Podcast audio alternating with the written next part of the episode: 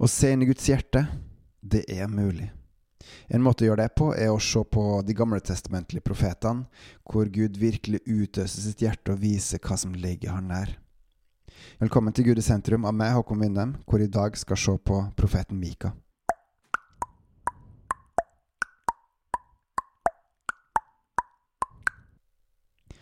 Mika var en mann som eh, levde på landet ca. 700-750 år før Kristus. Som altså vil si før Nordriket falt, mens det falt, og litt etterpå. Og samtidig også som eh, Sørriket eksisterte.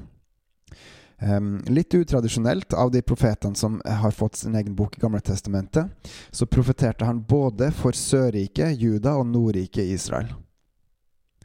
I løpet av sju kapitler så viser han en del av utfordringa som var på denne tida. Han overlevde flere konger, og han eh, var samtidig også med Jesaja og eh, Hosea, to andre profeter i Gamle Testamentet. Når han skriver her, så i løpet av sine sju kapitler, så tar han opp mye av det som er vanskelig og vondt og urettferdig av det som skjedde i disse to landene, men også Guds rettferdighet, dom og frelse. Og kanskje et av de mest, mest eh, kjente bibelversene som er, er rett og slett kapittel 5.1, hvor han forutsier Jesu fødsel. Men du, Betlehem, Efrata, som er liten til å være blant Judas tusener, fra deg skal det utgå for meg en som skal være hersker over Israel. Hans utgang er fra gammel tid, fra evighetsdager. Men Mika er så mye mer enn bare eh, at han forutsa at Messias skulle bli født i Betlehem. Han er også en som tar opp alt det som skjer på denne tida. Og spesielt Nordriket var et rike hvor de gjorde mye ondskap og urettferdighet. Eh, og noe av det de gjorde, var jo også at de satte opp to gulvkalver i Nordriket like etter splittinga på 900-tallet eh, før Kristus. Folket brydde seg rett og slett ikke om hva Gud sa, og gjorde som de sjøl ville. Ikke ukjent fra i dag. Og det førte også, som eh, Mika forutsa, at Nordriket kom til å gå under, noe det gjorde i ca. 722 før Kristus. Sørriket var litt annerledes med. Det var mye avgudsdyrking og mye ondskap og urettferdighet der også. Men det var også folk som fulgte Gud, og som ville følge han, og kong Hiskia var jo en av de som virkelig prøvde å følge Gud, og prøvde å leve for han. Og på et tidspunkt i boka Mika også, så sier også Gud at det er ikke ofrene, han vil ikke ha ofrene til folk. Han vil ha folks hjerter. Han vil at folk skal følge han, og gjøre det som er godt og sant. Så det handler ikke bare om å gi disse fysiske, materielle tingene, men han vil ha menneskene sine hjerter. Og nettopp denne her urettferdigheten, ondskapen, denne avgudsdyrkinga, det er denne Gud prøver å ta opp gjennom Mika.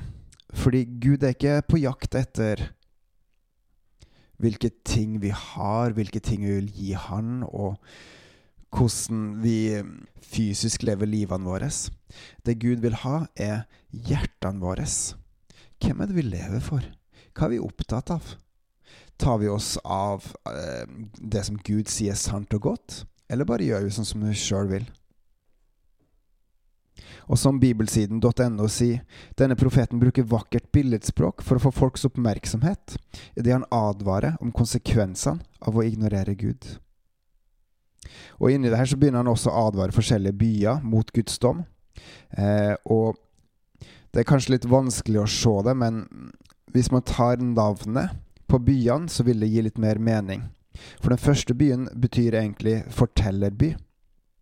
Den andre støby, og den tre siste tredje skjønnhetsby, i kapittel 1. Da får vi Fortelleby, ikke fortell noe. Støby, rull deg sjøl i støvet. Skjønnhetsby, gå inn i fangenskap med din skjønnhet ødelagt.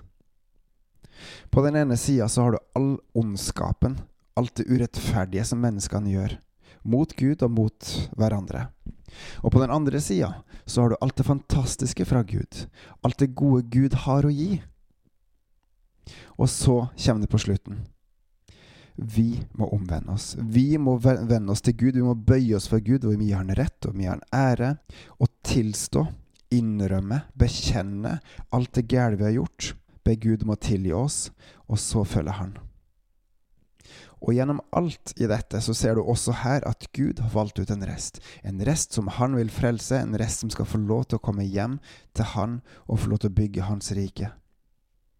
Og kanskje en sentral del i budskapet gjennom Mika her står i kapittel 6 vers 8, og den kan oppsummere ganske godt hva vi må gjøre.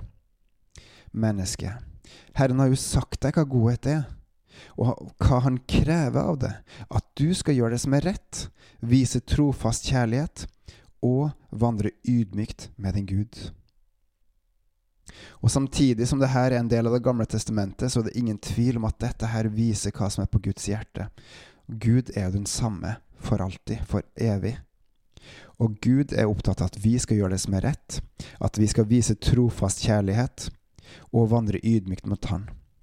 Og skal vi klare det, så må vi følge det som Gud sier, det som Han gir oss hovedsakelig gjennom Bibelen, men som Han også kan si direkte til oss. Og vi må også vise den kjærligheten som Han viser oss oppskrifta på gjennom Bibelen, og særlig gjennom Jesus. Og så må vi vandre ydmykt med Gud. Ikke for, ikke til, det også, men vi skal vandre med Gud. Vi skal leve sammen med Han. Og det er nettopp det som er den store forskjellen på Gamle Nytestamentet også. Det evige liv er faktisk å kjenne Gud, og han gitt oss sin ånd for at vi skal kjenne han og ikke være alene. Menneske, Herren har jo sagt hva godhet er, og hva han krever av det. Du skal gjøre det som er rett, vise trofast kjærlighet og vandre ydmykt med den Gud. Og det er min oppfordring til deg i dag. Gjør det her. Søk Herren og all hans rettferdighet så skal du få alt det andre i tillegg. På gjenhør. Og by the way, jeg har lyst til å dele et lite glimt av hva jeg opplevde med han i løpet av den siste uka. Og det var faktisk mens jeg lå på behandlingsbenken hos en fysioterapeut, og midtveis i timen opplever at eh, Spør hun hva du trenger å trene på for å bli sterkere i den delen av ryggen som du trenger behandling på. Og jeg tenkte, Det var litt sånn rart spørsmål å stille, liksom. Um, men det var jo for så vidt fornuftig også. Kom litt ut av det blå, eller kom helt ut av det blå. Og så stilte jeg, så fikk jeg en spesifikk øvelse som jeg skal gjøre framover. For å trene opp styrken med, i, mellom skulderbladene, i, i og rundt skulderbladene. Gud er god. Ha det bra.